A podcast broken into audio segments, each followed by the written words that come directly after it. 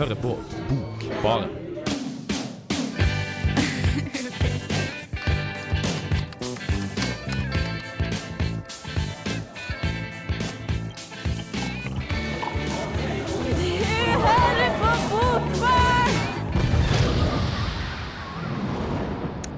Det har seg sånn at nobelpriser i både ditt og datt blir delt ut i disse dager, og oppmerksomhet rundt hvem som får de forskjellige prisene, det skorter det ikke på. Men hvor lenge bryr vi oss egentlig om årets heldige nobelprisvinnere, og hva er egentlig vitsen med hele prisen? I dagens Bokbarnsending skal jeg, Vida Brenna, og min venn Ingrid Skarholt eh, fortelle deg om noen forfattere som ifølge Svenske Akademien har eh, produsert noe som innenfor litteraturen eh, er det mest utmerkede i idealistisk retning.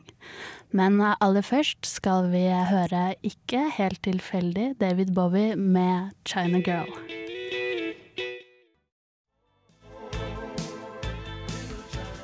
Jeg heter Anne B. Ragde og er forfatter. Og når man er forfatter, så hører man selvsagt på Bokbarn så ofte man har anledning. Da lurer jeg på hva du syns om at uh, Det jeg lurer på er hva du syns om at Mo Yan fikk Det jeg lurer på er hva ditt forhold til nobelprisen Jeg lurer på hva du syns om at Mo Yan fikk nobelprisen i litteratur. Ingen formening, dessverre. Um, for helt ærlig så har jeg ikke så veldig mye formening om det, for jeg har aldri lest noe av den. var han som vant eh, fredsprisen. Vet du, Jeg har veldig lite greie på han. Jeg bare oppfatta at det var han som vant prisen. Eh, Det har jeg ikke hørt om, så jeg har ikke noe formening. Nei, jeg vet ikke noe mye om han fra før, så jeg har bare sett det jeg har lest nå i helga. Og det virker jo ganske greit, det her. Det var jo fint at det kom en fra, som ikke var fra Europa, i hvert fall, som vant.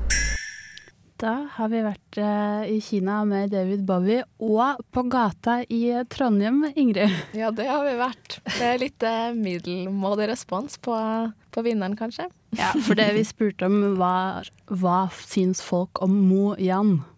Ja, det gjorde vi. Og det var det Ja, i hvert fall siste Sistemann hadde jo hadde jo hørt om han, da. Eller syns Ja, men det var ikke før han fikk prisen. Nei, ikke før han fikk Nei. prisen. Så det, men det er vel litt sånn det ofte er da med nobelprisen i litteratur, at det er ikke så mange som har hørt om det før, eh, før prisen blir utdelt. da. Nei, eller jeg føler på en måte at når man ser på listen over vinnere, så er det en sånn stor variasjon da, i hvor kjente navnene er. For det er noen du aldri har hørt om, og som på en måte ikke har blitt kjent selv etter at de fikk prisen. Og så er det noen som bare er helt fantastisk kjente, som sant, T.S. Elliot eller Ja, osv. så? Så det, det er litt forskjellig hva den prisen gjør for forfatteren. da. Noen ganger så kan man bli kjempekjent, og andre ganger ikke. da. Mm. Men uh, det som er litt spesielt i år, er jo at det er en vinner fra Kina. Det er eh, spennende, altså. Ja, det er litt sånn Det gjør kanskje også at folk ikke har hørt om den, for i fjor så vant jo Thomas Tranströmer. En ganske kjent svensk lyriker. Og han hadde vi jo kanskje hørt om fra før av, så det blir noe annet når det er så langt borte. Og både du og jeg har jo snakket om hvordan Kina er så langt borte, både i kultur og, og beliggenhet og, og hva vi vet om det. At det er nesten så langt borte at vi egentlig ikke har lyst til å reise dit, for det blir så fjernt.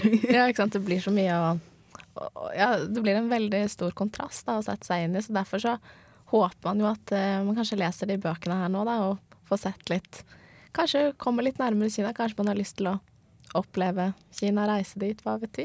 Hva vet vi? Men uh, vi må i hvert fall begge to være helt ærlige på at vi hadde ikke hørt om Mo Yan før uh, han fikk nobelprisen i litteratur forrige uke. Nei, vi hadde ikke det, vi heller. Men Ingrid, du har jo jobbet litt med å finne ut litt om uh, denne Mo Yan, eller ikke snakk, som det betyr på kinesisk. Mm, det har jeg gjort.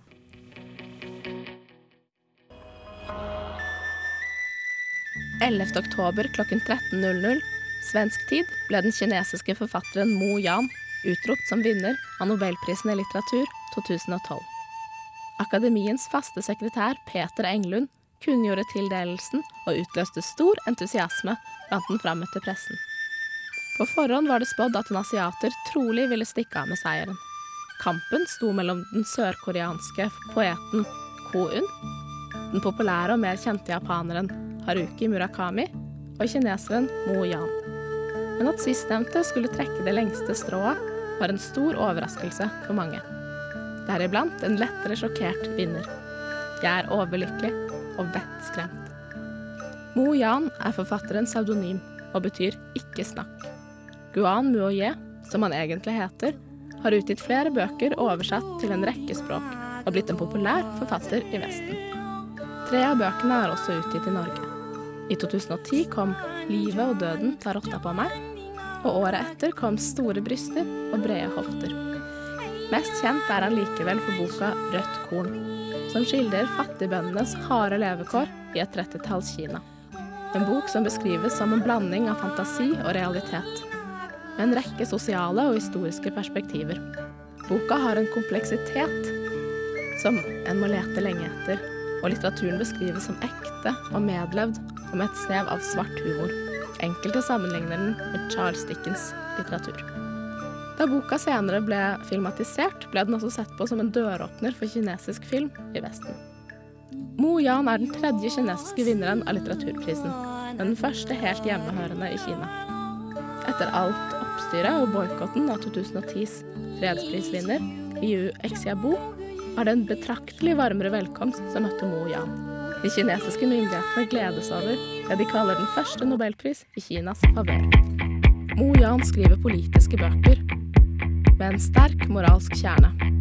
I 1976 ble han medlem av Folkets frigjøringshær og sympatiserte med kommunistene. Allerede her begynte skriveprosessen. Tidvis har myndighetene forbudt enkelte av verkene hans. Men likevel beveger de seg ofte innenfor grensen av myndighetenes toleranse. En balanse mellom provokasjon og aksept. Han karakteriseres som den dristigste forfatteren som skriver i dagens Kina. Mo Yan har fått tilnavnet Kinas Kafka. Les hva du selv finner, hva du ønsker å lese. Og han har et så karakteristisk språk at kun ved lesning av en halv side vil man kjenne han igjen. Nobel sa om Nobelprisen en prisbelønning til dem som i det foreløpende år har gjort menneskeheten størst nytte. Og kanskje er håpet der at kinesiske myndigheter vil liberalisere politikken sin etter å ha lest Mo Yans bøker. Nå er de i hvert fall på talefot med prisvinneren.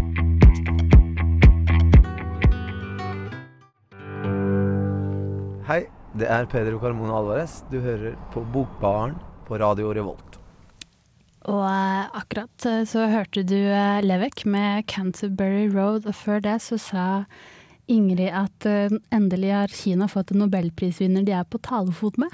Mm, det sa jeg, og det syns jeg er eh, spennende. Altså, at eh, et så spesielt styre som det er i Kina, og ja, at de nå faktisk har en viss aksept for nobelprisvinneren, det, det er litt håpefullt. For det vet vi jo at eh, de ikke har hatt før, eh, særlig kanskje eh, i fjor med fredsprisen. Ja, ikke sant. Men, Så men hvordan klarer Mo Yan å holde seg innenfor regimets grenser?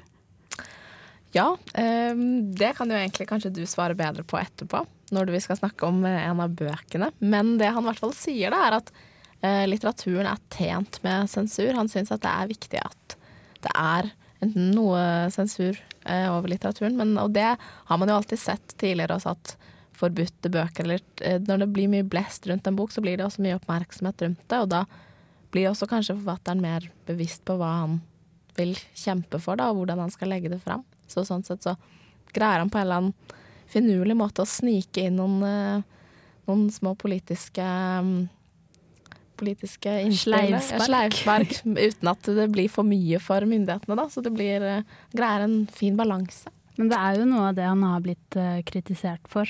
At Mm. han er for lite kritisk til, eh, til styret i Kina og til det som faktisk skjer der av overgrep og, og undertrykking av ytringsfriheten.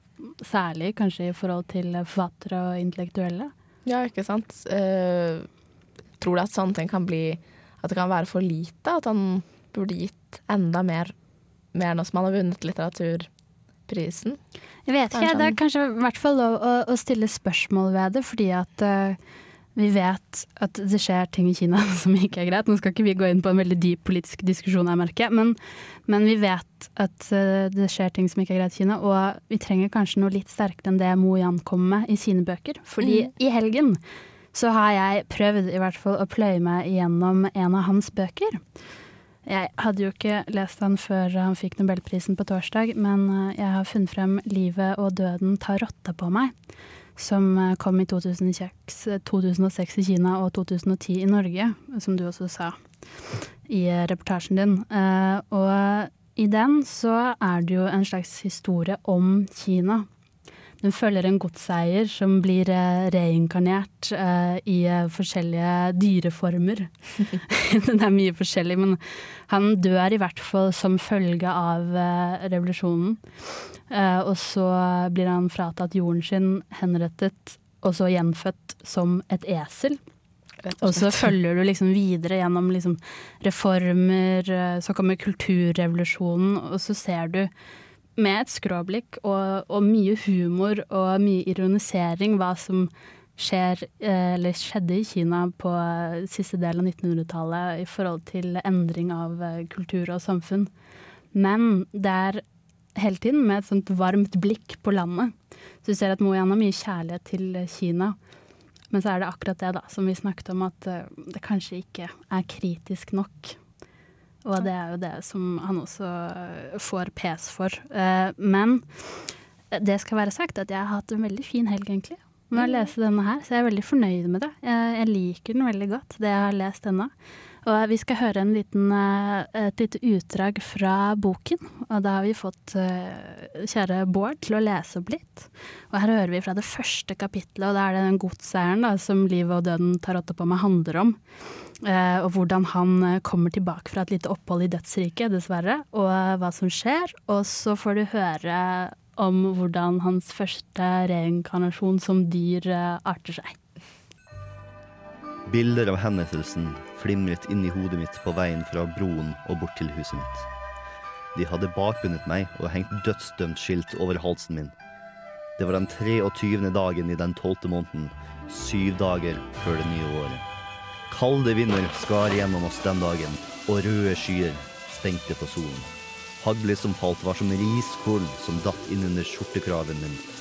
Kona mi fra Bai-familien gikk bak meg og klaget høylytt men jeg hørte ingenting fra de to konkubinene mine, Yongchun og Hui Wang. Yongchun kunne føde hva dag som helst, så henne kunne jeg tilgi at hun holdt seg hjemme. Men Hua Wang, som var yngre og ikke gravid, holdt seg unna. Skuffet meg bitterlig. Straks jeg sto på broen, snudde jeg meg for å se Hua Tong og militstroppen hans. Dere, vi bor alle i samme landsby, og det har aldri vært noe fiendskap mellom oss. Ikke da og ikke nå. Dersom jeg har gjort noe for å fornærme dere, så si meg hvordan. Det er ikke nødvendig å gjøre dette her, er det? Wang Tong kastet et blikk på meg før han så i en annen retning. De gullgule regnbuehinnene hans strålte som gullstjerner. Watang, sa jeg. Gulløyde Watang. Foreldrene dine ga deg et godt navn. Det holder, sa han. Dette er politikk. Folkens, fortsatte jeg likevel, dersom jeg skal dø, burde jeg ikke i det minste få vite hvorfor? Hvilken lov har jeg brutt? Du får svarene dine nede i prins Yamas dødsrike, sa Watang, mens han løftet den eldgamle muskedunderen og holdt munningen mindre enn 15 cm fra pannen. Jeg følte hodet mitt fly av, jeg så gnister, jeg hørte noe som lignet en eksplosjon og luktet krutt. Gjennom den åpne porten foran huset mitt så jeg mange mennesker på gårdsplassen. Hvordan visste de at jeg var på vei hjem? Jeg snudde meg mot eskorten min. Takk, brødre, for umaken å følge meg hjem, sa jeg. Uhyggelige smil spredte seg på de blå ansiktene deres, men før jeg rakk å utrede hva smilene betød, grep de meg i armen og drev meg forover. Alt var mørkt.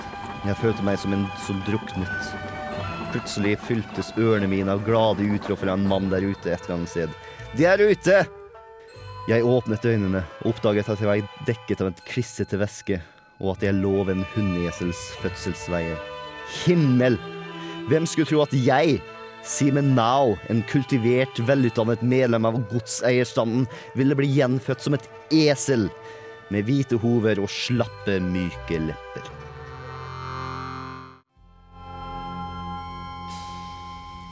Da, kjære lytter som hører på Bokbarn på Radio Revolt, har du hørt uh, Algiers med Calexico.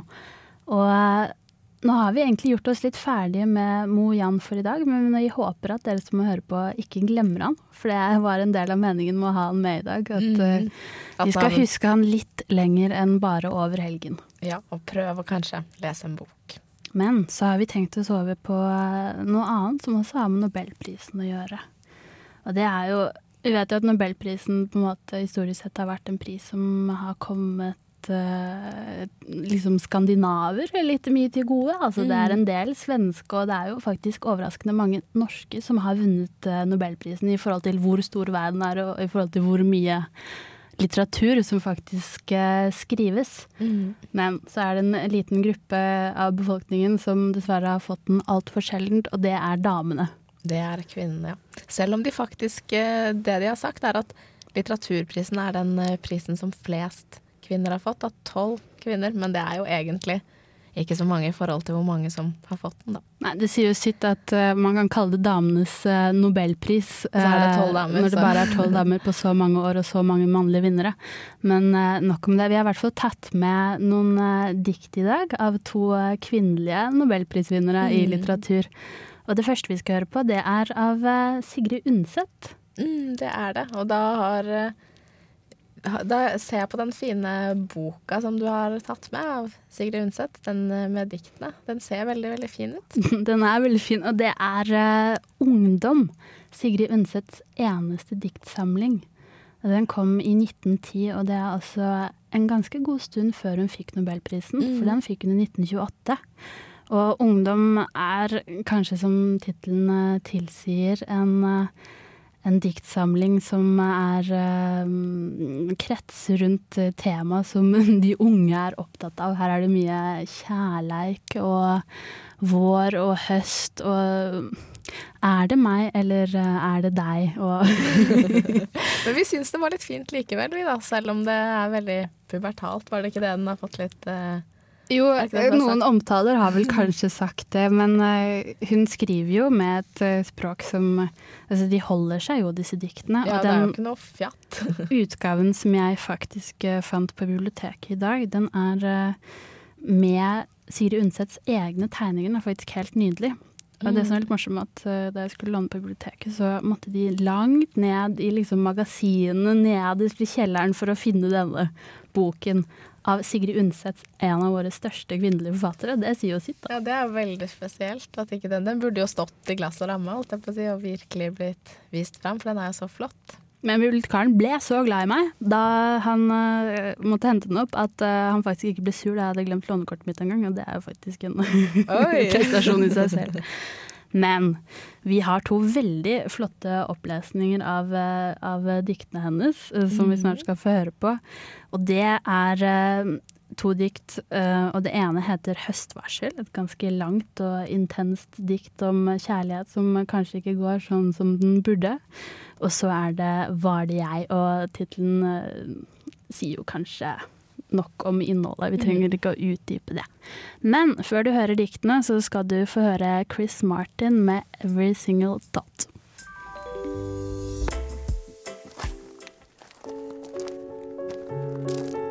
Høstvarsel. Det første bitre ord var talt imellom deg og meg. Vi fulgtes tause samme vei. Vi gikk og angret alt. Og trist jeg stirret like frem. Da knitret det i veiens støv. Som slepte jeg i min kjoles brem. Henover vissent løv. Men gullregn blomstret og syrin i parken hvor vi gikk. I junidagens sollysfik. En vellukt, het og tung som vin, utover plenens blomsterprakt, gikk hvite sommerfugles flukt, og det som knitret i min drakt, var almetreets vingefrukt. Høyt oppe i himmelens klare bunn drev hvite skyfnugg bitte små. Jeg løftet øyet mot det blå. Da kysset du min munn. Og skjønt jeg først stred litt imot, var snart vår første trette glemt. Men dypest i min hjerterot satt der en liten kulde gjemt. Og da det siste bitre ord var skiftet mellom deg og meg, og harm og sår jeg gikk min vei, da raslet på den frosne jord Det visne løv i trøtte lag. Var det jeg? Livet har visst budt meg gaver som jeg ikke tok imot. Jeg ble bedt, og jeg ble lovet. Det var jeg som meg forsto. Var det slik jeg kom til målet? Gikk forbi og ikke så det. Jeg har gått for langt og lenge, og nå kan jeg ikke nå det. Er det mørkt fordi jeg ikke flammen på min lampe nærte? Fryser jeg fordi jeg bærer kulden i mitt eget hjerte? Jeg heter Erlend Nøttet, og du hører på Studentradioen i Trondheim.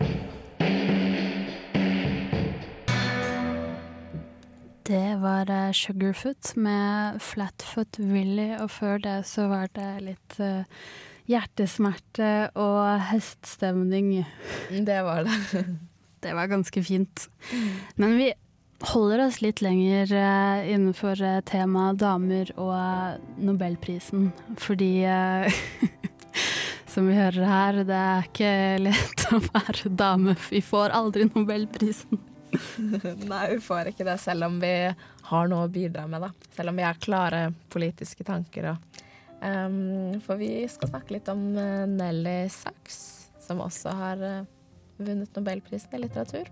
Ja, og i likhet med flere andre nobelprisvinnere så vet vi jo ikke hvem Nelly Sachs er. Nei, det er, er noe med det, altså. At vi ikke kjenner ikke Vi har nesten ikke hørt navnet engang. Men du kan kanskje litt mer om Nelly Sachs enn de fleste? mer. Ja, jeg har eh, i hvert fall eh, lest meg litt opp på det. Eh, og Nelly, hun er var en del av en jødisk familie, da. Og, som levde et privilegert liv i den tyske overklassen fram til andre verdenskrig kom. Og da gikk det litt for Nellys familie sånn som det gikk for mange andre, da, at det var ganske vanskelig. Men hun greide, ved hjelp av faktisk eh, Selma Lagerlöf, og emigrere til Sverige i 1940.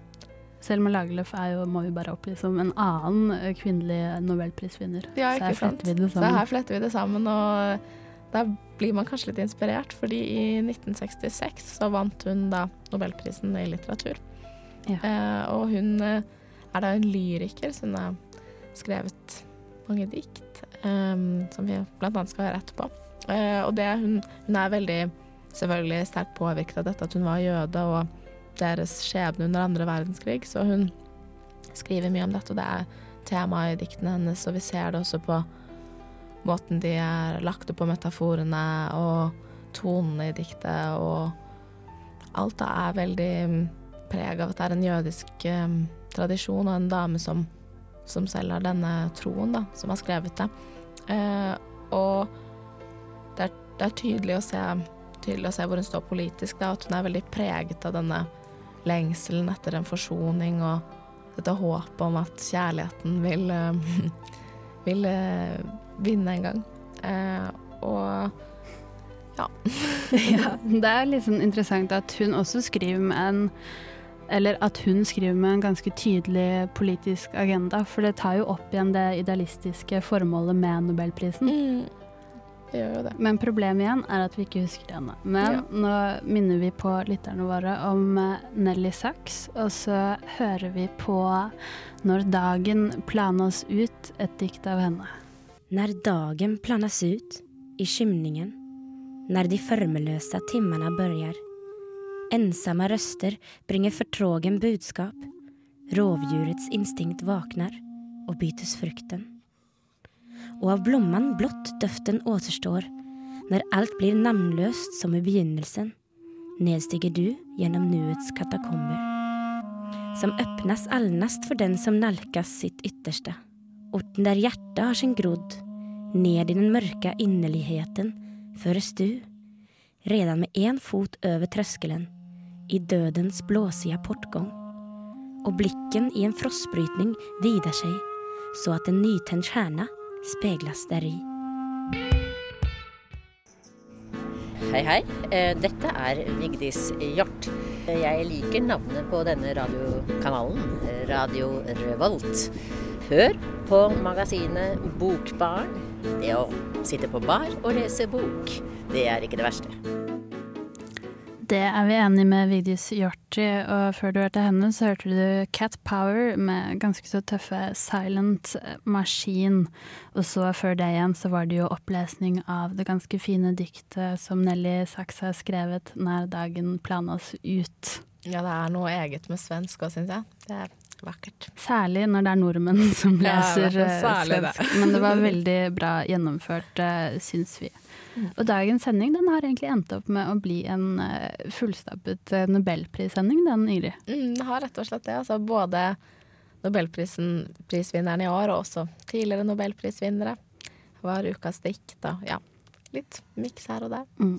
Og så vil vi jo egentlig bare benytte sjansen til å fortelle om hvilke bøker av årets nobelprisvinner Mo Yan som er å finne på norsk. Ja, for det er jo litt viktig, sånn at man kanskje kan få lest noen og gjort seg opp en mening om denne mannen, da. Da er det den boka som Vida har begynt å lese, eller kommet godt i gang med. 'Livet og døden tar rotta på meg'. Mm. Eh, og så er det 'Store bryster og brede hofter', som handler om en eh, kvinne som ikke lar seg knekke. Eh, nå er jo dette skrevet av en mann, men vi har jo snakket litt om kvinner i dag òg, så Veldig bra. sånn er det. Eh, og så er det den som jeg så snakket om i reportasjen, som heter Rødt korn, da, som det også er laget en film av. Så det, da kan man jo få sett både en film og lest en bok og sammenlignet litt. Og, Ja, det er fint. Og så hadde vi jo litt om eh, Sigrid Undset. Hun er jo kanskje litt mer opp i dagen enn den siste nobelprisvinneren vi hadde om, som jo var Nelly Sachs. Så da det kan man kanskje prøve å lese litt mer av henne også, og håpe at ikke alle bøkene hennes, det gjør de for så vidt ikke, da, men eh, ligger langt ned i kjelleren på bibliotekene, men at man faktisk finner dem. Men hun er jo, hun er jo pensum på skolen og sånn, så man håper at ja, leser litt av henne. Helt enig, Ingrid. Men eh, når vi først er her, så må vi også benytte sjansen til å fortelle litt om hva som skal skje videre i høst. Ja, det må vi gjøre. Fordi nå er, begynner jo høstmørket å senke seg, og det blir kaldere og skumlere. Eh, så vi skal jo blant annet ha en halloween-sending, eller en skrekk skrekksending. Ordentlig skrekksending Ordentlig tror jeg vi kan eh, ja. si at vi skal ha, og det er altså om to uker. En annen nyhet fra Bokbarns side er at eh, ganske snart så ligger det ute en egen Lillehammer litteraturfestival eh, spesial. Ja. Eh, og den kan du finne både i iTunes eh, som podkast og på Radio Revolts eh, Stream on demand. Det tror jeg blir eh, veldig fint. Ja, det blir eh, Ja, og i løpet av høsten så kommer det også enda en Lillehammer spesial. Vi har nemlig to av dem. To deler. Men nå som vi nærmer oss slutten, så må vi få lov til å benytte sjansen til å takke vår kjære tekniker Rune Stana. Ingrid Kveim Skarolt, jeg vil eh, takke deg også for at du kom hit i dag og var sammen med meg. Jeg heter Vida Sudset Brenna, og du har hørt på Bokbaren på Radio Revolt. Helt i slutten så får du høre en ganske fin sang som heter In My Quiet Place.